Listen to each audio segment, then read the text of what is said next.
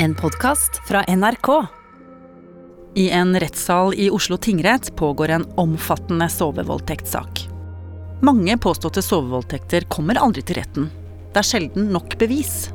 Men akkurat nå står en mann tiltalt for ni voldtekter, der kvinnene sov eller var så utslått av rus at de ikke var i stand til å gjøre motstand. De neste ukene skal kvinnene forsøke å overbevise retten om at de virkelig ble voldtatt. Men blir de trodd?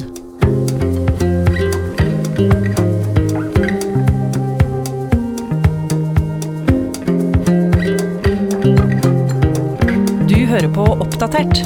Jeg heter Ragna Nordenborg.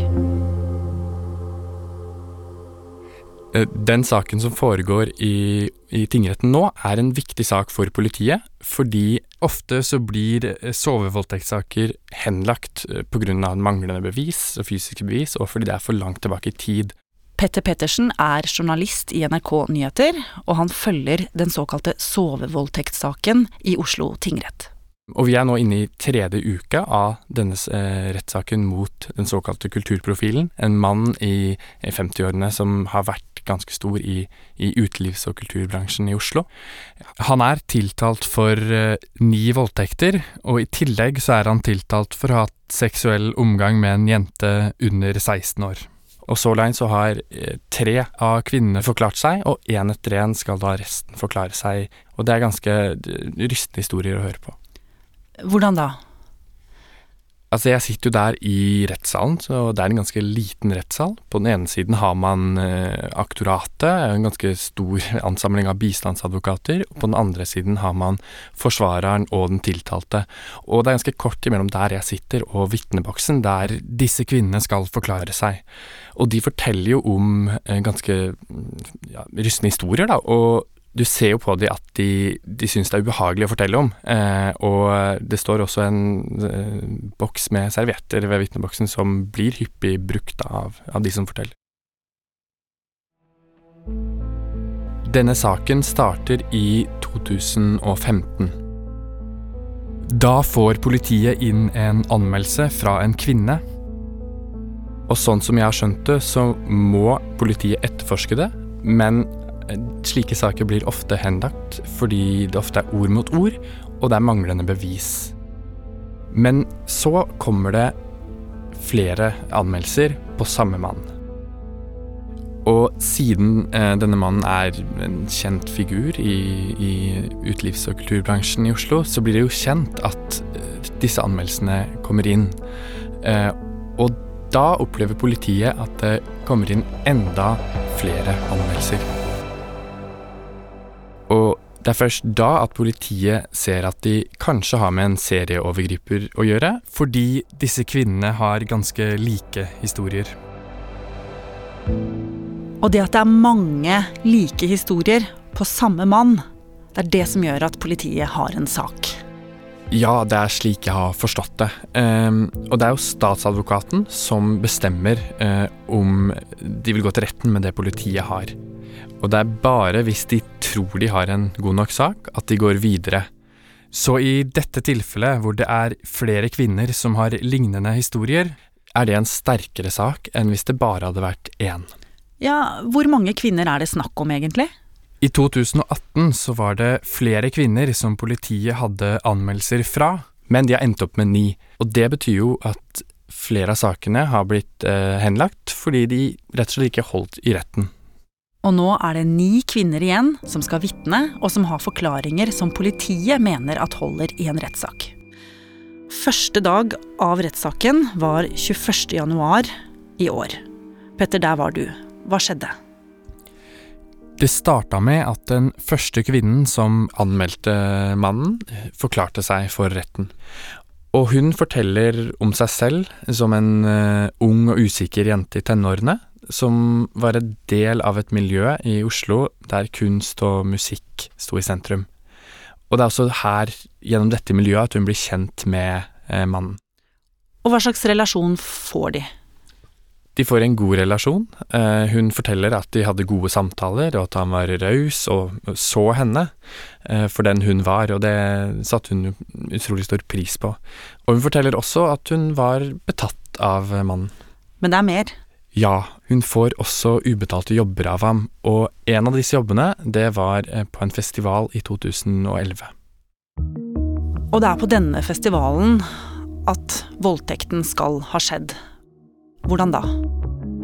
Ja, det hun forteller, er at en kveld når hun skal legge seg, så oppdager hun at eh, hennes romkamerat eh, sover, og hun vil ikke vekke eh, henne. Derfor så velger hun å gå da på rommet til mannen og sove der. Og da prøver mannen seg på henne, eh, og hun takker nei. Og hun sovner, men morgenen etter, da hun våkner, så eh, våkner hun av at han penetrerer henne. Det er jo et sjokk å våkne eh, mens han er inni henne. Hun velger derfor å, å lukke øynene igjen og late som at hun fortsatt sover, da. Og hva forteller hun om hvordan hun opplevde det som hadde skjedd med henne? Hun sier at hun følte mye skyld over det som skjedde, at det var hennes uh, feil at det hadde skjedd, at hun hadde gått inn på rommet, og at hun hadde blitt kjent med denne mannen. Og hun forsøker uh, å bagatellisere det uh, for seg selv, selv om hun sier at hun forstår at det var en voldtekt. Så legger hun mye av skylden på seg selv, da. Og hvordan påvirker denne hendelsen relasjonen med denne mannen? Altså, de fortsetter jo å ha en god relasjon etterpå, eh, noe som kan høres litt rart ut, for så vidt. Hva gjør hun? Altså, hun velger å ikke ta det opp med ham, eh, og hun fortsetter å sende meldinger til han, eh, invitere på middag, eh, og har for så vidt også sex med han i etterkant av dette. Og hvordan forklarer hun hvordan det er mulig? Jo, det hun sier er at hun hadde ikke lyst til å bli et offer, og var redd for å ikke bli trodd.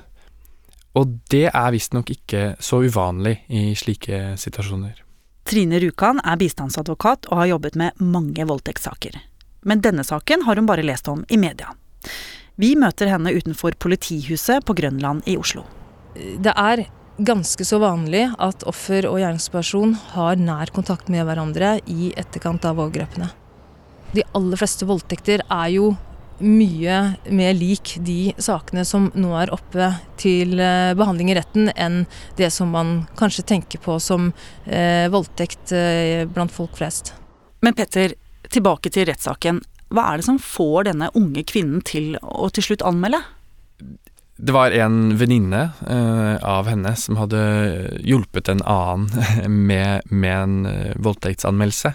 Og det var da hun selv innså, da hun hørte den historien, uh, at hun også måtte anmelde. selv om det da hadde gått fire år siden det skjedde. Ok, Petter. Du har nå fortalt om vitneutsagnet til den første kvinnen som anmeldte. Og hun starta hele rettssaken. Hvordan rimer denne historien med det de andre kvinnene forteller? Ingen av historiene er helt like, men de ligner alle på hverandre. Så Aktors plan den fungerer jo. Det er jo mengden kvinner og at de har lignende eh, historier som skal få denne mannen dømt. Men det er jo flere versjoner av disse historiene. Når det er Forsvarets tur om noen uker, hva er det de kommer til å kjøre på da? Mannen han nekter eh, for alt han er tiltalt for. Og når det blir Forsvarets tur, så kommer de til å legge vekt på flere ting. Aller først så mener de at det er en svakhet at flere av kvinnene har snakket sammen før de anmeldte. Forsvarer Elisabeth Myhre fra advokatkontoret Berg Ditlef Simonsen representerer den tiltalte mannen. Man har hatt kunnskap til at noen skal anmelde, eller har anmeldt at det er en sak, før man selv går til politiet.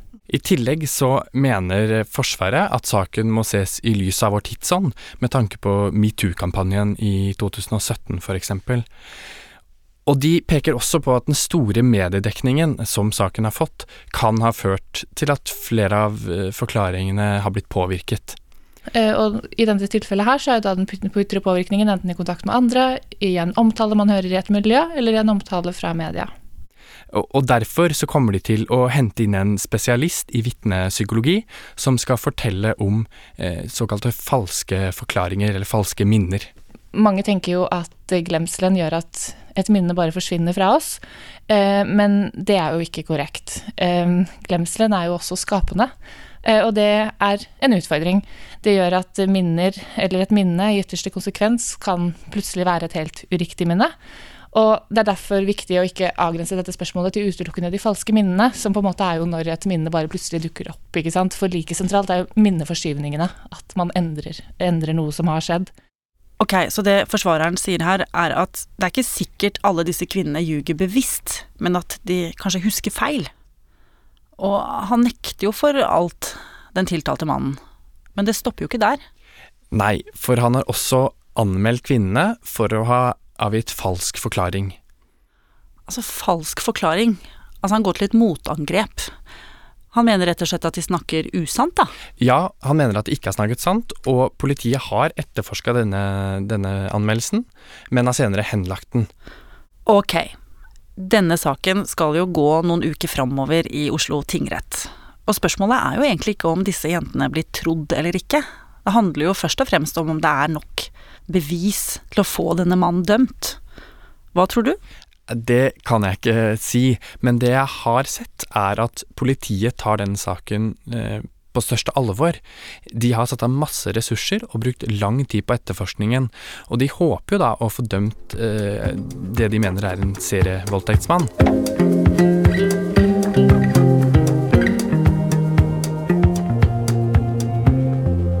Oppdatert lages av Ida Tune Øritsland, Rikard Sveen, Petter Sommer og meg, Ragna Nordenborg. Vil du kontakte oss, gjør det på oppdatert krøllalfa nrk.no.